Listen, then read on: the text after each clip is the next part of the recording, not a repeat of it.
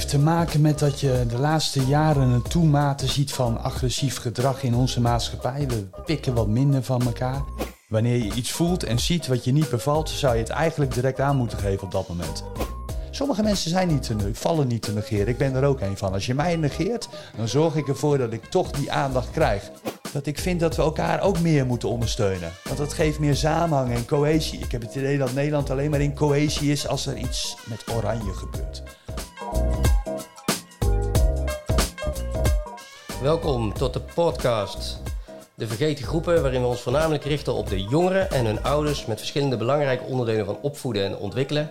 Parenting. Dit relateren we dan aan de maatschappij, hoe ze zich heeft ontwikkeld en hoe die zich zal kunnen ontwikkelen en wat wij eraan kunnen doen. Vandaag zit ik in onze eigen studio met uh, Marcel Bonenschansker. Uh, ja, wat doe jij zo precies, Marcel Bonenschansker? Goedemorgen Stijn, ik ben Marcel Bonenschansker en ik ben trainer agressiehantering en de-escalatie. Dat houdt in dat ik bij instellingen en scholen leer om te gaan met moeilijk onverstaanbaar gedrag en of grensoverschrijdend gedrag. Doelstellingen vaak van mijn training zijn veiligheid en het leren, ja, het leren aangeven van grenzen en vooral vroegtijdig, omdat dan het risico is dat er niet veel over jouw grens wordt heen gegaan. Je ziet dan bij leerlingen en bij instellingen dat het vaak moeilijk is voor het personeel of voor de leerlingen om dat te doen. Oké, en als je dan kijkt, hè, want ik bedoel, jij geeft dan verschillende trainingen en, uh, en je doet uh, scholen, had je het net over. Mm -hmm.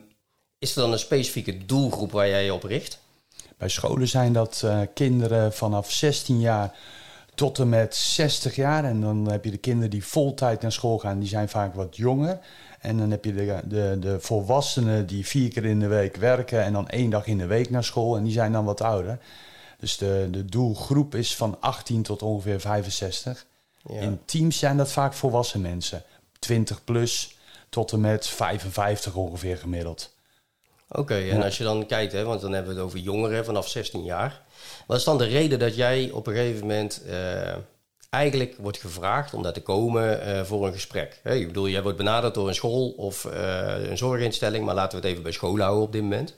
die komt op een gegeven moment naar jou toe. Hoe, hoe loopt zoiets? Hoe, de, hoe het loopt dat ik gevraagd daarvoor word? Ja, zeg maar? gewoon en waarom. En, ja, het wat heeft, is, ja. heeft te maken met dat je de laatste jaren een toemate ziet van agressief gedrag in onze maatschappij. We pikken wat minder van elkaar. Er komt vaker grensoverschrijdend gedrag voor, vooral in de zorg.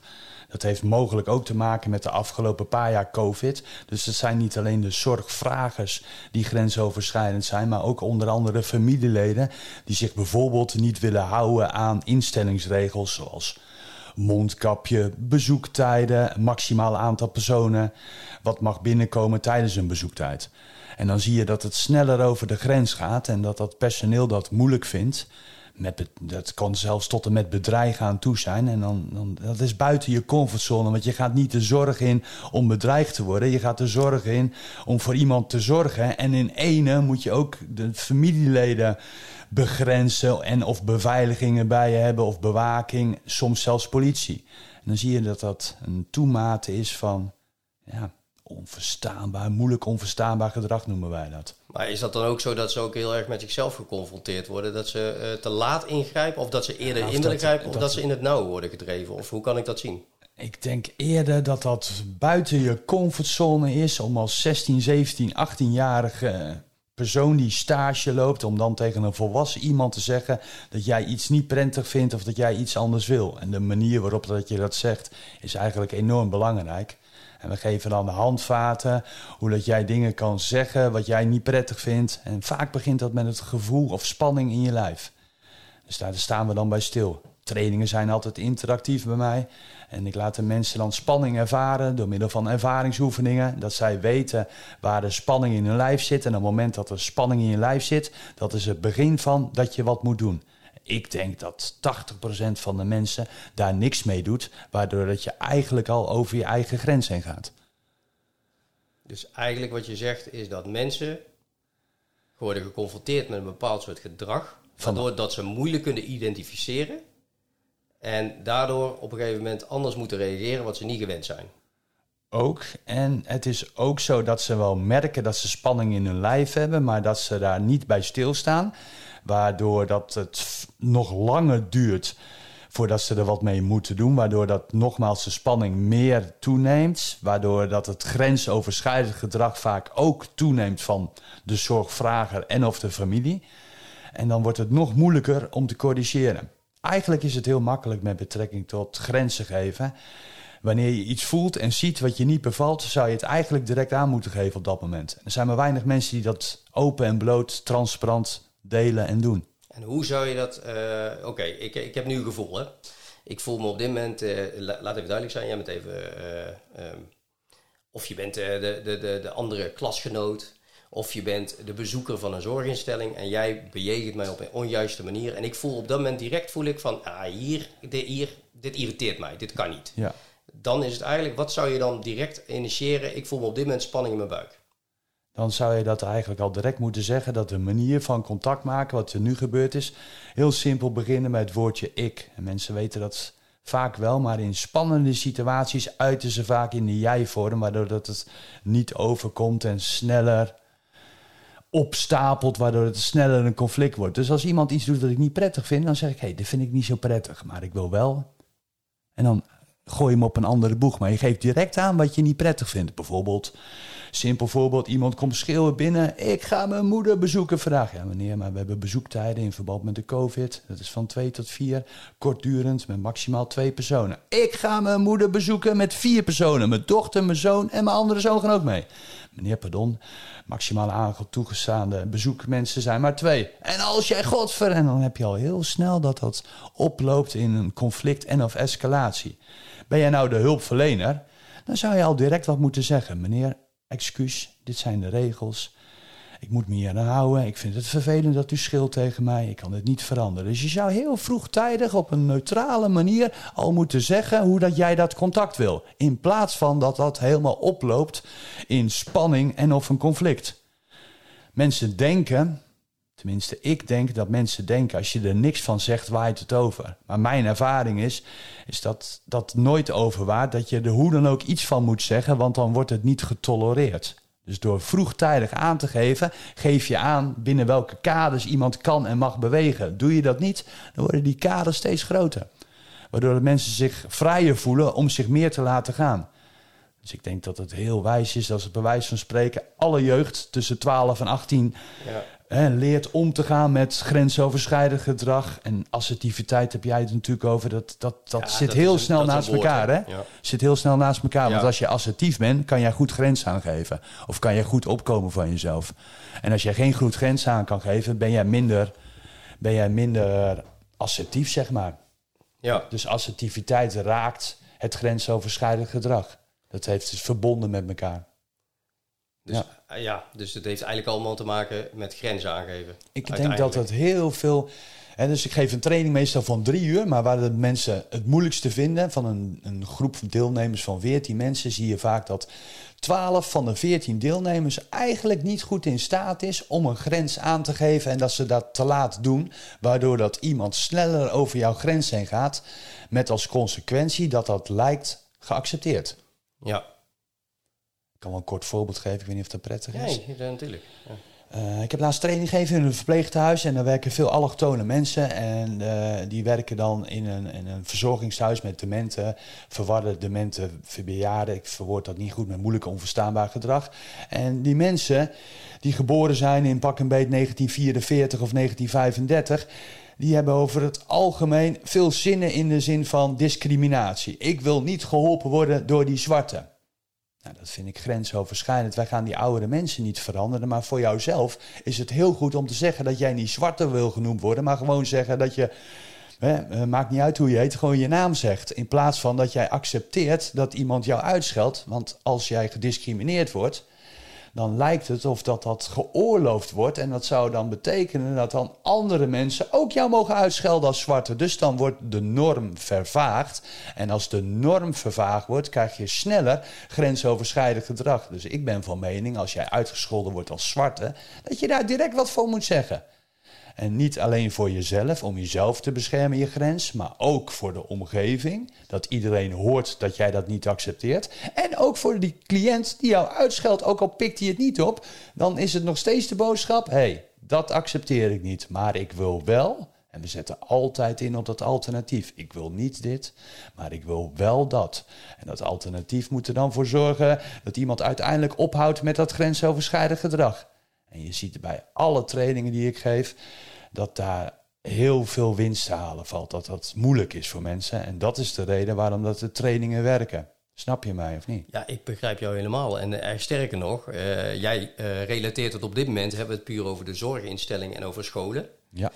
Um, maar eigenlijk begint de basis eigenlijk al bij de opvoeding van, van de kinderen zelf, waarin je dus al merkt, wat jij, dit voorbeeld wat je nu geeft, is in principe natuurlijk wat er heel vaak aan de hand is. Hè? Kijk, ik bedoel, ik kijk alleen naar mezelf. Ik was best wel subassertief op de een of andere manier opgevoed op een bepaalde manier dat ik me terugtrok. Ja.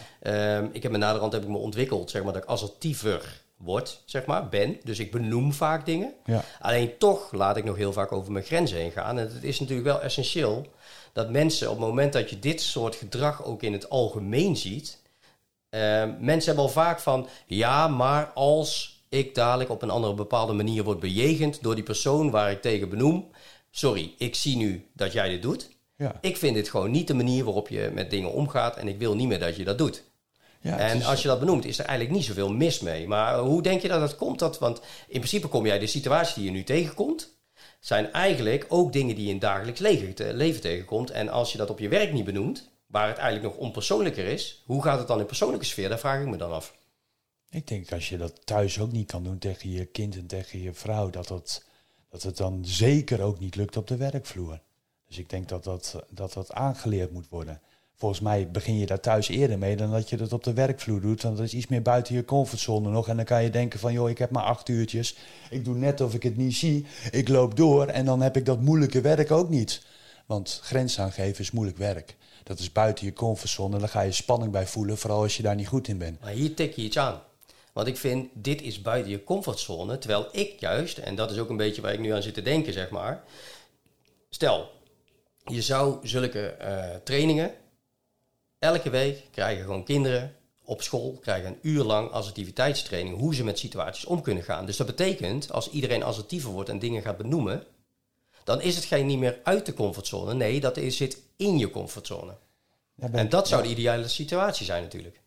Ja, ben ik het mee eens. Over het algemeen is wel bekend met betrekking tot grens aangeven dat Ja. de grens beter lukt als je die aangeeft, als je daadwerkelijk met iemand contact hebt. Dus als jij wat met iemand hebt, maakt niet uit wat, functionele relatie op je werk, een relatie thuis met je vrouw, hè, dat is een liefdesrelatie. Maar op het moment dat je wat met iemand hebt, dan is het makkelijker om die grens aan te geven, zeg maar. Hè? Want dan is dat dan, en als dat dan thuis niet lukt, dan kan je natuurlijk afvragen of het überhaupt wel op je werk lukt.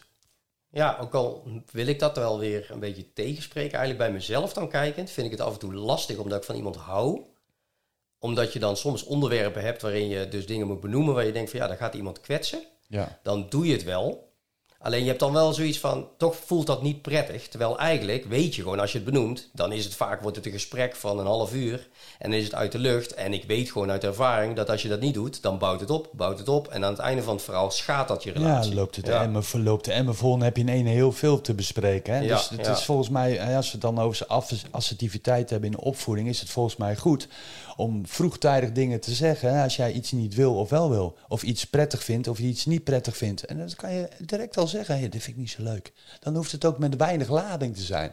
Want als het nou vijf keer gebeurt, dan bouwt de lading op en dan word je er pissig op. En dan zeg je, hé, hey, kappen ermee. En dan ga je misschien zelfs vloeken. Ja, Terwijl ja. had je het de eerste keer al gezegd, dan kan iemand daar rekening mee houden. Dus wat je doet is, als je iets niet prettig vindt, dat direct al zegt, dan kan iemand daar al rekening mee houden. En hoeft hij misschien al niet die derde, vierde en vijfde keer te doen, omdat jij het al de eerste keer zegt. Ja, Dus je geeft de ander ook informatie wat jij wel wil en niet wil.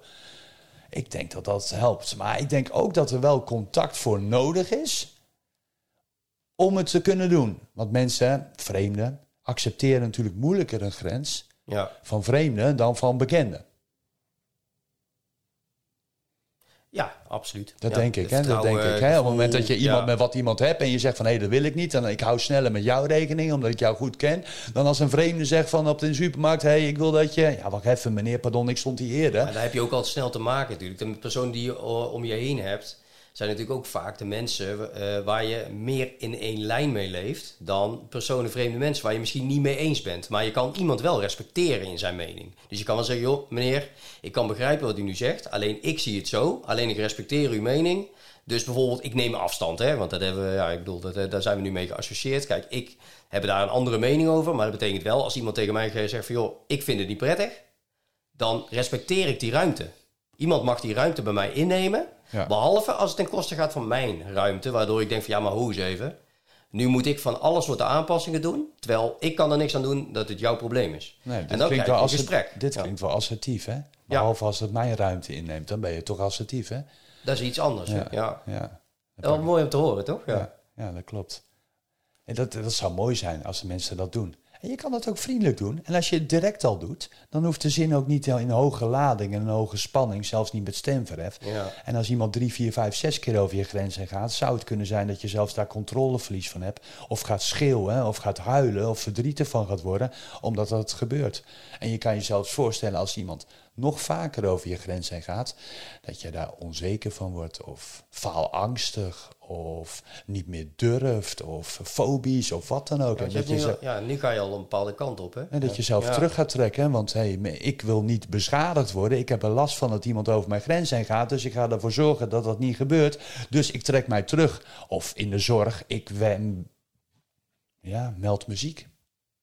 Ja, want, want dat is ook een En ding. dat je want, muziek mensen, meldt. want als mensen niet assertief zijn en dus spanning ervaren, ehm, is het dan ook zo dat. ehm, kijk, we hebben er ook ja, tegenwoordig burn-outs, zeg maar. Of je burn-out overspannen, eh, wat voor reden dan ook. Ehm, wat voor klachten ervaren mensen daarvan? Want ik denk dat je tijdens training ook wel mensen tegenkomt die zeggen van... joh, ik voel me elke keer gespannen en ik voel me niet meer veilig op mijn werk... of ik voel me niet meer veilig in de klas, hè, bij jongeren. Ja. ja, mensen gaan dan twijfelen aan zichzelf. Worden onzeker. Vragen zich af of ze dingen wel kunnen. eh, gaan met lood in de schoenen naar hun werk, waardoor dat de handelingen moeilijker zijn, omdat ze bang zijn dat er weer over de grens gegaan wordt, ga je eigenlijk al met angst en spanning naar binnen, waardoor dat je snel eigenlijk zou zien dat iemand dan weer over je grenzen gaat, waardoor jij gaat blokkeren. Letterlijk en figuurlijk van spanning. Vriezen noemen dat ook wel. Dat je stilstaat, spanning in je lijf hebt en hard op de grond staat, waardoor dat je ja, moeilijker kan handelen. En dan, dan, dan voelt dat onheimlich, dat is een oud woord, en dan voelt dat vervelend of ongemakkelijk. En als dat ongemakkelijk voelt, kan het zijn dat je dat gaat vermijden, omdat je niet meer wil dat je je ongemakkelijk voelt. En dit zijn bepaalde dingen die jij natuurlijk ook bespreekt tijdens zo'n training of tijdens een les bij, eh, bij scholieren. En dat zijn al bij jonge mensen. Hè? En hoe, hoe, hoe, maar hoe reageren die jongere mensen? Gaan ze dan ook voorbeelden noemen waarin ze dat dingen tegenkomen, waarin ze eigenlijk jouw advies vragen? Of hoe, hoe ontwikkelt zo'n gesprek zich dan? Of hoe met zo'n. Ja, met- zij, eh, ja. zij, zij hebben dan een voorbeeld van of een cliënt of van een familielid, waardoor dat ze zoveel moeite hebben als ze in dienst komen, dat ze eigenlijk hopen dat hun collega die begeleidt, omdat ze dat... Ze willen dat ontlopen. En je ontloopt dat omdat je bang bent dat iemand over de grens heen gaat en jij een grens moet aangeven. Ja. En dan is het heel vaak makkelijk door te zeggen van ik zie het niet, ik hoor het niet, ik loop door. Maar, Ja. maar dan negeer je eigenlijk het grensoverschrijdend gedrag. En ik geloof in heel veel dingen, maar behalve in negeren. Ik denk dat negeren een van de slechtste dingen is die er zijn. Want sommige mensen zijn niet te, vallen niet te negeren. Ik ben er ook een van. Als je mij negeert, dan zorg ik ervoor dat ik toch die aandacht krijg. Dus negeren is, is niet uitdoven. Negeren zorgt ervoor dat iemand nog meer in zijn lading, emotie en stemverhef gaat. Dat hij op een gegeven moment niet te negeren valt. Is dat ook een machtsprincipe? Want ik ken bijvoorbeeld ook mensen die mensen negeren. Op het moment dat, eh, dat ze een conflict hebben, dan negeren ze die. Ja, ik zie Waardoor dat. je dat juist eh, da- daarmee eigenlijk, als je iemand negeert, zeggen ook wel eens, hè, als in, in de opvoeding als iemand genegeerd wordt, is dat erger dan bijvoorbeeld daar een gesprek over hebben. Ik ben het daar eh, wel mee eens dat het erger is, maar is dat de bedoeling van hetgene wat je teweeg wil brengen als ouder? Nee, ik denk het Denk niet. Ik denk dat het onkunde is. Ja, Ik weet het niet meer, ik hou mijn mond en ik zeg er maar niks van in de hoop dat het uitdooft. En vaak eh, dooft het niet uit, want je geeft er geen norm aan of geen grens aan. Dus ik denk dat negeren een slechte interventie is überhaupt. Standaard. Ja, het woord negeren doe ik, schrijf ik af en toe op het bord, schoolbord met een dikke strepen door, weet je wel. Negeren werkt niet. En hoe, maar ehm, zijn er ook leerlingen die... Na, kijk, jij geeft bijvoorbeeld les 1, eh, les 2 of uh, training, wat, wat, je het wil noemen. Ehm, op een gegeven moment na les 3 dat er ook op een andere manier al met elkaar om wordt gegaan af en toe. Ja, je ziet wel dat bepaalde dingen echt trainen is. En uh, we doen al korte schetsjes met grensoverschrijdend gedrag, waar hun denken van waar ze moeite mee hebben. Ik zet dat neer en hun zijn dan en of de verpleegkundige en of de begeleider. En dan zie je vaak dat ze uit automatisme niet de goede zinnen gebruiken. Dingen zijn ook gewoon, moet je helaas gewoon trainen. Door heel simpel te zeggen, als ik wat lelijks tegen jou zeg, moet jouw eerste woordje ik zijn in plaats van jij. Hoeveel mensen dat als standaard niet doen. Hé, hey, maar jij doet. En dan ben je in de aanval. Dan krijg je heel snel een conflict. Terwijl je zegt van hé, hey, ik vind het vervelend. Ik heb liever dat je. En dat is goed. Dat kan je, deze zin wat ik net zeg, kan je eigenlijk altijd zeggen, omdat je het bij jezelf laat. Dat is niet discutabel. Dat is, dat is zo, omdat ik dat vind. En dan kun je het er nog met elkaar niet eens zijn, maar je hebt dan wel respect. Ja, ja, je ja, neemt je ruimte Je kan nog in. steeds zeggen van, hé, hey, uh, ja, nee, ik zie dat anders. Ja, prima, maar ik vind dat vervelend en ik wil dat je daar toch mee ophoudt. En dan geef je dat vroegtijdig aan in de hoop dat iemand daar daadwerkelijk gehoor aan geeft. Of hij het nou mee eens is of niet.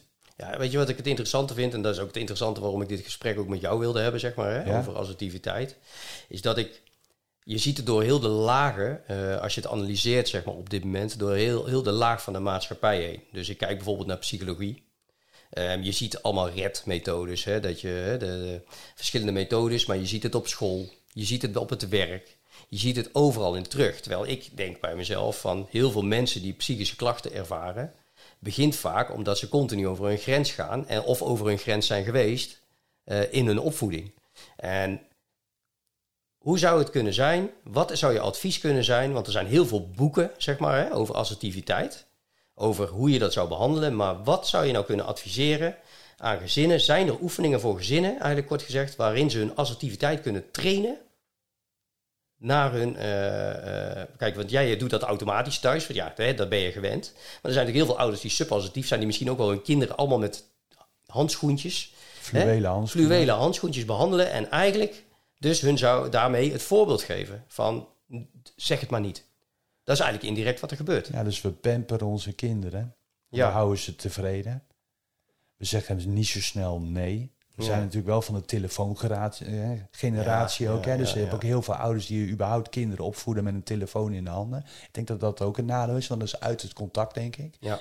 Dus ik, hoe vaak zie je wel niet iemand, volwassen iemand lopen achter een kinderwagen, terwijl dat hij kijkt naar zijn telefoon in plaats van naar dat kind. Toen ik jong was, had ik misschien wat geluk dat ik toen geen mobiele had, dus ik keek naar mijn kind, ja, weet je ja, wel. makkelijk praten dan. Dat is dan uh, anders, uh, anders natuurlijk. Dus je hebt ook veel meer afleiding. Ik denk dat dat handig is in gezinnen. Even terugblikken, wat schiet me wat te binnen. Ja, ja. Je hebt natuurlijk wel die kanjertrainingen op de lagere school. Van hey, iemand doet iets wat je niet wil. En dan sommige scholen, basisscholen hebben dat. Ik denk dat dat enorm goed is. Ik heb bij sommige basisscholen die kanjertraining ook gegeven. En dan leren ze heel simpel te zeggen van stop, hou op. En dat is kinderlijk, maar voor een kind van acht is dat heel goed. Stop, ik wil dat niet. Dat zijn prima zinnen, weet je Dan leer je al de basis, man. Op het moment dat iemand iets doet bij jou, dat je dat niet wil en op een goede manier aangeeft. In plaats van dat je of erop slaat, of gaat huilen, of zich terug gaat trekken. Want dat zijn drie inadequatere interventies eigenlijk. Hè? Het is heel goed om. En doen ze dat één jaar of doen ze dat twee jaar? Of is dat. Uh, ik, volgens mij, ik heb dat alleen maar gegeven in groep 7 of in groep 8. Dat is wel interessant eigenlijk. Want eigenlijk zou je dat al veel eerder en eigenlijk elk en, jaar moeten doen. En ja. dan misschien ook op alle scholen. Dat, dat mensen gewoon leren van hey, wat prettig is, wat niet prettig is. Hoe geef ik het aan, hoe geef ik het niet aan. Ja. En dan met de ouders met betrekking tot... Ja, er zit een... Ik weet het niet zeker, Stijn. Ik weet niet of jij dat ook ervaart. Ik heb wel het idee dat wij steeds meer op onszelf gericht zijn. Kijk maar naar social media. Toen ik jong was, maakte ik foto's van andere mensen. Tegenwoordig maak je foto's van jezelf met andere mensen erop. Vreemd eigenlijk. Hè? Eigenlijk ja. zijn wij zelf, ik is belangrijker geworden. En als ik belangrijker is, zou je zeggen dat je ook automatisch assertiever bent. Maar dat is het niet. Ik denk dat we wel automatisch egoïstischer zijn, maar niet assertiever. Maar het is een gedachtegang, hè? ik kan dat niet onderbouwen. Ja, nou kijk, het enige wat ik merk, hè, kijk, ik heb al een paar aantal gesprekken uh, met verschillende uh, coaches en trainers heb ik nu gedaan over eten, over uh, dualiteit. Eh, wat je gewoon heel erg merkt in, in, in de lijn, is dat mensen heel erg inderdaad met zichzelf bezig zijn, maar dat ook social media en zo, eh, dat het heel makkelijk is om een foto van jezelf te nemen. Ehm, je nodigt alleen maar mensen uit die jou leuk vinden. Dus daardoor krijg je ook bevestiging van hetgene wat je doet, dat het leuk is. De mensen die niet leuk zijn, ja, die kun je ontvolgen of zelfs eruit gooien. Nou ja, dan worden mensen ook boos ook als je dat doet. Dat heb ik in het verleden zelfs een keer gehad toen ik nog op social media zat, want ik ben ermee gestopt. Ja. Ehm, want ik merkte gewoon dat je brand alleen maar mensen om je heen hebt.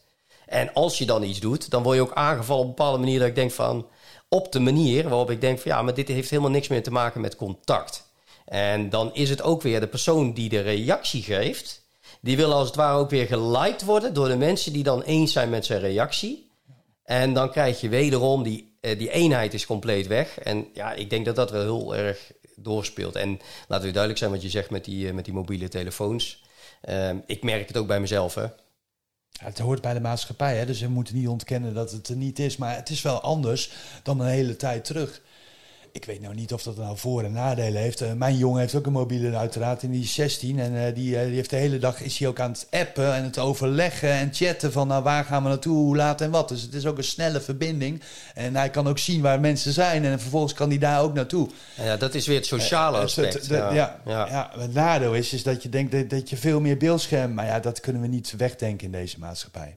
Nee, ik denk ook, ik heb ook al een Maurice de Hond. Hè, zat ik ook een uh, stuk te lezen over hem. Uh, die zei, gaf ook zijn beeld, zeg maar. En toen werd er ook DM gezegd. Precies hetzelfde. Ik zei, ja, beeldschermen slecht. En uh, dat is dan de, meer de generatie waar ik vandaan kom. Ja. maar hij zei ook van, ja, maar je moet niet vergeten dat heel die hersenen... En ik weet niet of het waar is, hè, laat even duidelijk zijn. Maar ik vond het wel een interessante stelling. Dat hij zei van, ja, de, de, de hersenen van mensen, die, uh, van, van de jongeren, die werken anders. Dus die gaan van beeldscherm naar beeldscherm. Die hebben er helemaal geen problemen mee, omdat die hersenen anders werken, et cetera, et cetera. Ik weet niet of dat waar is. Kijk, ik vind termen zoals hoogsensitiviteit, burn-out, et cetera, is wel iets wat gewoon de laatste tien jaar speelt. Ja. Hè, ik bedoel, hoogsensitief. Ik ben een sensitief persoon. Ik weet bijvoorbeeld, als ik de hele tijd ga stappen, mensen zie, heel de tijd achter televisie zit, achter mijn beeldscherm, en ik ga ook nog eens een keertje keihard werken, ja, dan ben ik na een week ben ik helemaal opgebrand. Ja. En dat is gewoon iets waar je mee jezelf leert kennen. En je hoeft niet continu maar overal bij te zijn. En ik denk dat dat met het social media ook erg aangemoedigd wordt. Om maar te moeten. Je moet alles volgen. Ja, klopt. Want wat als? En ik vind, dat vind ik wel beangstigend. En daarom vind ik het ook wel interessant, zeg maar, als je het over assertiviteit hebt. Volgens mij is het niet alleen assertiviteit, maar is het ook assertiviteit naar jezelf toe. Wat heb ik nou eigenlijk nodig? En wat heb ik nou eigenlijk niet nodig? En ik denk dat je dat als je assertiever bent, dat je als je sneller je grenzen aangeeft, dat je ook sneller je eigen grenzen leert kennen. Ben je het daarmee eens? Of als ik dat zo stel? Ja, zeker weten. Zeker weten. Het is heel goed om jezelf te leren kennen, want dan weet je wat je prettig vindt en niet prettig vindt, of wat je wil en wat je niet wil. En als je dingen niet wil, dan kan je daar mogelijk verandering aan brengen. Daar heb je een groot aandeel in. Ja, dat denk ik ook. Ja. En als jij dan kijkt, hè, want dan gaan we even nog terug naar die school, want dat is wel een beetje van de jongeren en de opvoeding. Ja. Um, zijn er jongeren die naar jou toe komen, die zeggen van joh, uh, zou ik een keer een privégesprek kunnen? Of uh, zijn er ouders die dan op een gegeven moment uh, daar meer behoefte aan hebben? Ouders zie ik eigenlijk niet veel van de kinderen op school, om de waarheid te zeggen. Uh, en de kinderen zelf, wat ik merk is dat dat, mocht ik een training geven en het duurt gemiddeld drie uur, dan heb ik ook altijd op een, een of andere manier drie uur een aandacht. En dat komt omdat het onderwerp agressie, omgang, grenzen en spanning is. En iedereen in zijn leven heeft daar wel mee te maken. Dus dan heb je iets ben je iets aan het doseren, wat hoe dan ook ook van toepassing is op jou. En dat is natuurlijk makkelijk doseren. Dus ik heb een boeiend en bindend onderwerp, waardoor dat mensen snel denken van, hé, hey, ja, maar shit, dat heb ik ook. Of hé, dat overkomt mij ook wel eens. Of uh, ik kan dat toch ook niet zo makkelijk zeggen. Of uh, ik heb hier eigenlijk ook wel last van, maar ik weet niet zo goed hoe ik daarmee om moet gaan. Of verdorie, dat, dat, gebeurt mij ook. En ga maar door. Dus dan, doordat je zo'n training neerzet, gaan mensen zich te identificeren daarmee. Denken, herkennen ze zich daarin. En daardoor komen ze eigenlijk op een op een punt van, hé, hey, maar dan moet ik eigenlijk ook wat mee. En daarom heb je een verhoogde alertheid en dat ze meedoen daarmee met het doel van, ik wil dat leren. Want als ik dat leer, dan, zit ik beter in mijn vel, want dan kan ik beter voor mezelf zorgen en dan kan ik beter een grens aangeven, waardoor dat iemand minder vaak over mijn grens heen gaat, waardoor dat wat minder beschadigend is. Want je kan je voorstellen, als iemand vaak over jouw grens heen gaat, dat dat invloed heeft. Burn-out krijg je niet zomaar, maar burn-out begint vaak mee dat er zaken gebeuren wat jij niet aan kan. En wat jij niet aan kan, heeft heel vaak met de eigen grenzen te maken. Te hard werken, geen nee zeggen tegen de baas vier diensten gewerkt hebben en dus weer een zieke. En je zegt de baas van ja, er moet toch iemand werken. Doe jij toch maar weer als vijfde. Er is zo iemand te laat onderweg van, eh, van het werk omdat de brug open staat of dat er weer een file is. En je moet weer overwerken. En elke keer maar dat is eigenlijk ben jij steeds meer over jouw grens aan het gaan, waardoor dat je daar geen 32 uur werkt, maar misschien wel deze week 42 uur. Dan heb je nog een exeter, moet je nog allemaal andere dingen doen. Nou, en dan kan het zijn dat dat belastend voelt. Dus de emmer wordt vol, de druk wordt hoog. Ja, en dan loop je op spanning. En dan kan je minder hebben. En dan ga je slechter slapen. En als je slechter gaat slapen, ga je zelfs weer weerstand hebben. En als je weer weer... Zo ontwikkelt de burn-out. Dan wil ik wel even relateren dan ook aan school, zeg maar. Want ik zie uh, kinderen die worden best wel belast. Ze moeten sporten. Dan moeten ze naar school toe. Dat is niet bij iedereen zo, hè. Maar als ik dat dan hoor bij sommige vrienden van mij... Ja, ze hockeyen. Uh, dan moeten ze nog naar muziekles. Ja. Maar het is voor een kind best wel lastig, want op school, ze moeten weer naar school. En op een gegeven moment, hoe lastig is het als er allemaal verwachtingen zijn om je grens te leren aangeven op het moment dat het allemaal verwacht van je wordt. Dus is het ook niet een bepaald zoiets van dat...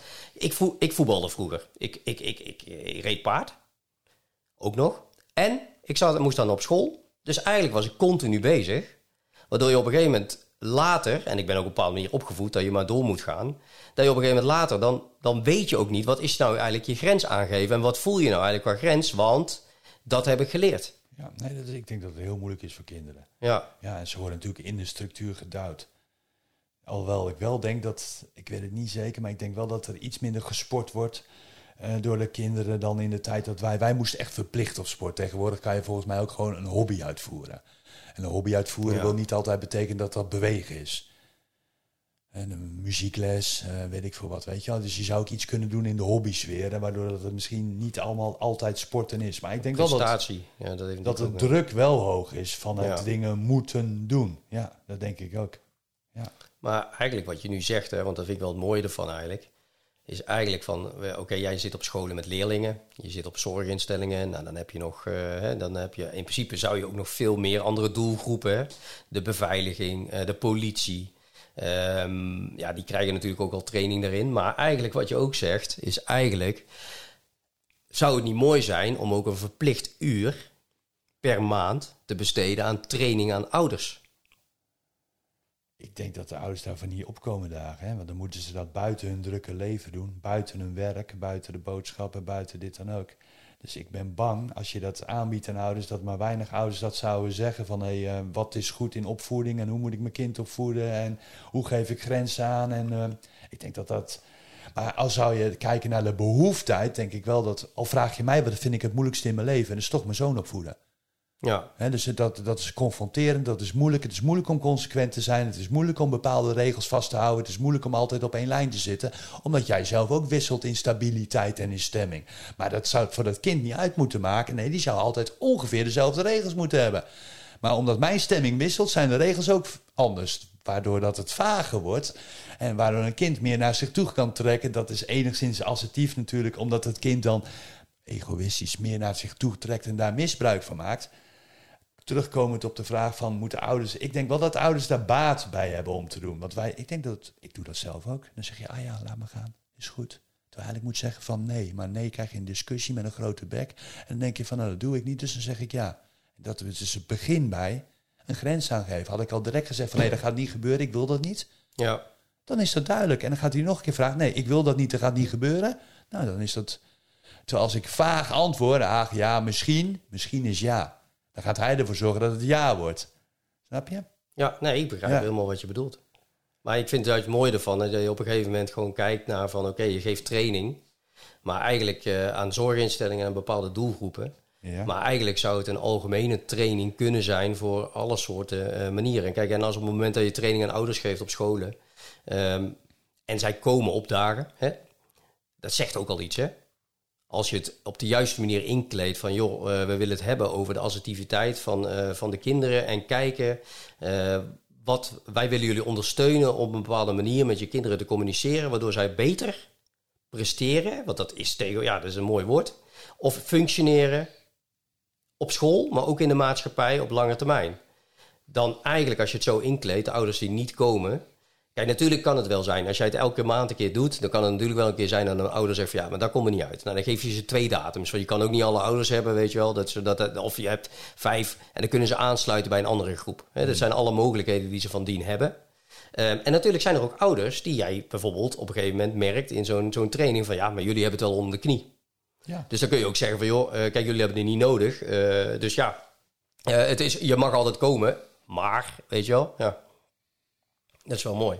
Ja, ik denk dat de ouders die denken dat ze het kunnen, zouden waarschijnlijk ook niet op de trainingen komen. Als je de meeste ouders zou vragen, denk ik dat veel ouders problemen hebben met opvoeding en met bezigheid, invulling, grenzen, uh, wat wel, wat niet. Jeugd kan natuurlijk overal komen momenteel, hè? Dat is ook een nadeel. Ja, mijn jongen, is, mijn jongen is 16 en als hij wil kan hij cocaïne, ecstasy, uh, lachgas, blowen, alcohol, alles krijgen. Ondanks dat niks officieel verkocht maar mogen worden. Maar hij zegt, pap, ik hoef maar te chatten en, te, en dan komen ze brengen. Niet dat hij doet, maar hij kan wel overal komen. Dus ergens moet hij ook beschermd daar tegen worden. Of beschermd. Misschien wel uitleg erover hebben. Hoeveel ouders zouden met hun kind van 15, 16 alcohol- en drugsonderwerpen en seksonderwerpen spreken. Ja, weinig. Ja, weet ik niet. Ik denk ook Meer zo'n uh, standaard praatje, want het moet, zeg maar. Maar ik denk ook wel dat veel ouders dingen ontkennen. Ja, Zoiets mijn, van, uh, mijn kind doet dat niet. Ik, nee. heb, ik neig daar ook naar. Ik heb dat vroeger ook, ook, ja. Ik denk, nee, mijn kind doet dat niet. Nou, dan zeggen andere ouders, ja joh, je bent naïef. Hij, zegt dat, uh, hij zegt dat hij aanwezig is, maar hij gebruikt als enige niet. Nou, dat is misschien ook naïef. Je hebt natuurlijk een hoogste vertrouwen in je eigen kind. Misschien ook wel met de angst van, ik wil niet dat hij het doet, dus ik geloof het ook niet, weet je. Nou ja, ik heb vroeger wel eens meegemaakt uh, dat ik dan... ik, ik, ik heb een exchange program heb ik gevolgd in het buitenland. En daar werd heel vaak gegokt. En ik had op een gegeven moment ging ik op reis, had ik geld voor opgenomen. En toen op een gegeven moment kreeg ik een krantenartikel kreeg toegestuurd. Uh, over gokken, et cetera, et cetera. Maar dat is weer het tegenovergestelde. Want eigenlijk wat de vraag had moeten zijn... wat is de reden dat je dat hebt opgenomen en wat heb je ermee gedaan? Maar in plaats daarvan spreek je eigenlijk wantrouwen uit. Want eigenlijk, dat is indirect, zeg je, uh, subassertief, we hebben het hè. Ja. Subassertief zeg je dat. En dat is natuurlijk wel het bericht wat je op dat moment meegeeft. Ja, je zou eigenlijk over in gesprek moeten gaan, hè. Dan met je ouders van, hey, hoe komt het nou? Hoe komt dat dan? Ja. dat is natuurlijk een hele moeilijke vraag. Maar dat is helemaal niet zo, want uh, ik zat ergens uh, op een, een van de wit strand met blauw water. Ik heb een fantastische periode gehad. Ja. meer zelfontwikkeling. Maar ja, je hebt wel zoiets van, jongen, en, en dan ga je ook bepaalde berichten ga je negeren. Dus ik vind het wel interessant, zeg maar. wat je wel zou kunnen, ik zit nog even over die school en zo, hè, van wat je met jeugd zou kunnen. Het is natuurlijk te gek voor woorden dat bepaalde scholen nog handenarbeid hebben op je veertiende. Mijn jongen zit op een MAVO en die heeft daadwerkelijk op zijn veertiende jaar nog moeten figuurzagen, breien en haken. Ik denk dat dat nu niet meer van deze tijd is. Ja. dat wij dat nou vroeger hebben gedaan, Allah, weet je wel. Maar nu is dat niet van deze tijd. Programmeren zou iets beters zijn, ah, bijvoorbeeld. Of uh, heel simpel BHV. Ja, ja. Waarom geen uh, leren wonden verzorgen, iemand in een stabiele zijligging en iemand reanimeren? Dus we zijn, ik vind ook dat wij meer moeten ondersteunen naar elkaar. En dan als we meer ondersteunen naar elkaar, dan accepteren we ook snelle grenzen. Je krijgt natuurlijk snelle cohesie in een land, in een groep, in een school of in een klas. Als je ook goed bent voor elkaar. En dat doe je door te ondersteunen. Dus te weten als iemand problemen hebt, of er is wat, je ziet wat, je helpt iemand. Ik leer mijn jongen dat op straat. Er valt een oud omaatje, je helpt iemand. Ja. Er komt iemand ouder binnen dan jou in de bus. Je staat op en je zegt die mag zitten. Maar dat zijn bepaalde normen en waarden. Ik weet niet of dat dat. Misschien ben ik daar wel in ouderwets. Maar op het moment dat je investeert in de ander. kan je ook sneller zeggen als jou iets niet bevalt. dat jou dat niet bevalt. Omdat je daar hebt geïnvesteerd erin. Dus ik denk dat dat helpt. Dus in mijn optiek moeten de handvaardigheidlessen eruit. En heb je BHV-lessen en assertiviteitstraining en leren grenzen aangeven op jonge leeftijd. erin. Zou heel erg goed zijn om op een MAVO te doen. Want ze hebben twee uur per week handarbeid. Denk je nou echt dat mijn jongen op zijn 25ste nog figuur zaagt? Kansloos, weet je wel. Die gaat dat nooit meer doen. En hij heeft er zo'n hekel aan. En dan zegt hij zelfs van... ja, pap, sommige dingen vind ik zo vervelend... die laat ik iemand anders doen. En dan krijgt hij nog een cijfer voor ook. Dus waarom doen ze dan niet in die vage lessen dat soort trainingen en of, of hulpverleningachtige dingen. Ik denk dat er meerwaarde is dat iedereen, iedereen weet hoe je een verbandje aan moet leggen. Ik denk dat er meerwaarde is als iemand flauw valt dat je hem in een stabiele stijligging kan leggen. denk dat het handig is als je weet hoe je moet reanimeren of hoe ARD werkt. En dan heb je het, ten eerste is het handig, maar ten tweede krijg je ook wat je ermee meekrijgt, is van ik moet zorgen voor andere mensen. We hebben ook aandacht voor de Ja, ander in plaats ja. van alleen maar altijd aandacht voor onszelf. Hè? Want in mijn optiek gaat dat wel wat scheef. Ja, dus we krijgen wel iets narcistische mensen in deze wereld. Ik ben wel heel belangrijk. Ja, komt natuurlijk ook door de. Kijk, ik zit natuurlijk in de zakenwereld gedeeltelijk. En daar zie je gewoon dat eh, er is maar één ding belangrijk. Linksom of rechtsom gaat het om geld. En, maar daarbij eh, komen natuurlijk telkens meer, en dat zie je vooral nu. Waar zijn die goede werknemers gebleven? Ja, die zitten bij bedrijven die wel doorhebben dat je eh, het beste moet creëren voor je werknemers. Waardoor zij ook dingen willen eh, over hebben voor jou. En ik denk dat dat eigenlijk al van vroegs af aan erin zit. En daarin zijn we helemaal doorgeslagen. Maar daar, dat is deze periode ook, dat we best wel veel vraagstellingen krijgen. Dat, dat heel veel mensen wel doorhebben van... hé, hey, ja, jij- aan de ene kant wel, aan de andere kant gaan we helemaal de foute kant op. Als jij aan mijn zoon zou vragen wat belangrijk is, dan zou Ja. hij waarschijnlijk hetzelfde antwoord geven als ja, hij is 16. Hij zou zeggen geld is belangrijk, ik moet veel verdienen. Maar uiteindelijk, Ja. weet ik niet. Ik denk ook dat geld niet belangrijk is als het er niet toe doet. Dus als jij genoeg hebt om rond te komen, dan is het niet meer belangrijk. Het is alleen maar belangrijk op het moment dat het toe doet. En kan jij je rekeningen betalen, dan zijn in mijn optiek hele andere dingen belangrijk in het leven. Dat heeft misschien ook te maken met mijn leeftijd. Ik ben 50 en Ja. ik vind gezondheid, plezier, ontspanning hè, en naar je zin hebben en dat soort dingen vind ik veel belangrijker dan het geld. Maar ja, dan heb ik het geluk dat ik momenteel mijn vaste lasten kan betalen. Kan jij je vaste lasten niet betalen vanwege Ja, energie of eh, inflatie of wat dan ook? Nou, dan heb je zoveel problemen met dat geld. Kijk maar naar de Maslow-pyramide. Dat je dan Ja. bezig moet zijn met eten en drinken, waardoor dat je bovenaan de piramide je niet bezig kan houden met zelfontplooiing, zelfactualisatie, reflecteren en ga maar door. Ja. En het zou handig zijn dat dan het basisonderwijs daar in ieder geval al tijd aan zou besteden. Het zou Ja. mooi Ja. zijn, hè, want het basisonderwijs zijn kinderen van 16. Die hebben momenteel geen geldproblemen, want die zijn afhankelijk van hun ouders. Dus die, die hebben gewoon een huis, die hebben gewoon onderdak. Die hebben over het algemeen gewoon te eten en kunnen naar school. En dan zou je juist een bezig moeten zijn met jouzelf te ontwikkelen. En ik denk dat twee dingen goed zijn. En het leren van wat je niet prettig vindt. Maar ik geloof ergens ook, en misschien is dat de hulpverlener in mij dat ik vind dat we elkaar ook meer moeten ondersteunen. Want dat geeft meer samenhang en cohesie. Ik heb het idee dat Nederland alleen maar in cohesie is als er iets met oranje gebeurt.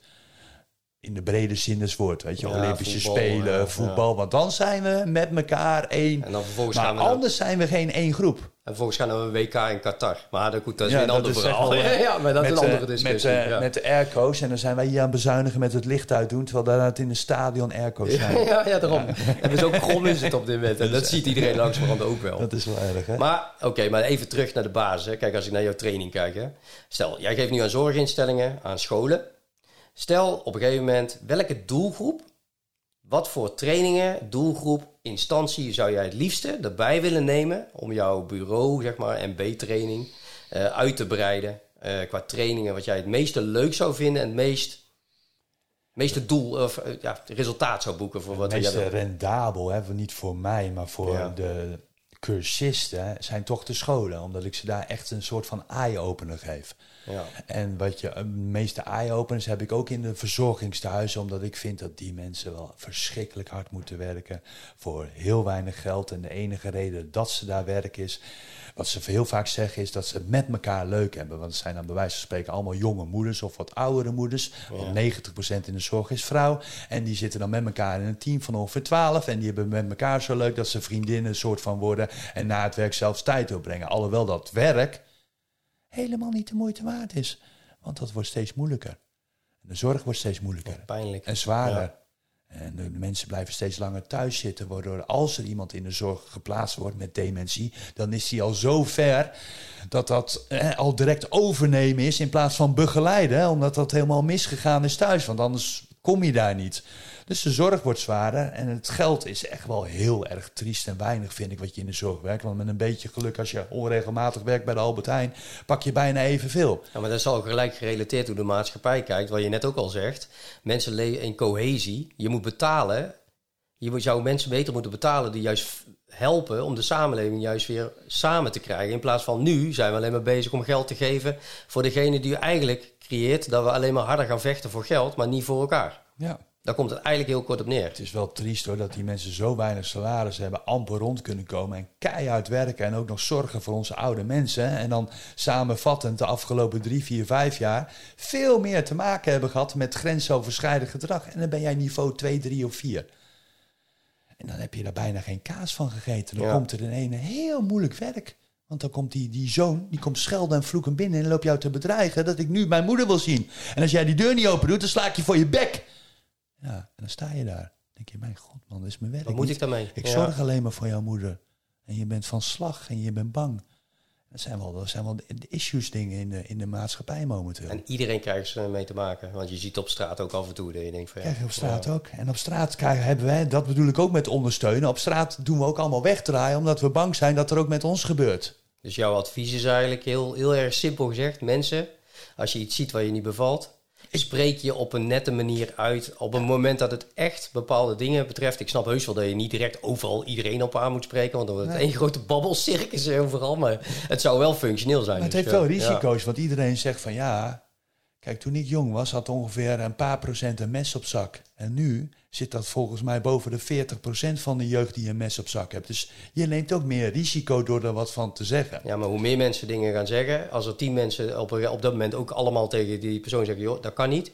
Ja. Dan denk ik dat iemand dat er helemaal niets gebeurt. Stel dat het één op één is. Ja, dat... Maar goed, dan ga je weer allemaal in de angst leven. En ik denk dat je daar een beetje uit moet. hè. Het zou goed zijn om Ja. hardop te doen. Als voorbeeld, wel, eh, je hebt 3 oktober in Leiden. Dat is altijd een chaos. Dan zuipt de stad twee, Ja, twee, dat ook alweer? Ja. twee dagen lang. Ontzet, toch? Ja. Het ontzet van Leiden. En dan zuipt iedereen. En er is altijd heibel in de stad. Omdat er gewoon 200.000 mensen door de stad heen lopen... Die allemaal te veel gedronken zijn. En dus, dus zie je met momenten vechtpartijen. En ik ga nooit tussen een vechtpartij instaan... want ik wil geen klap hebben.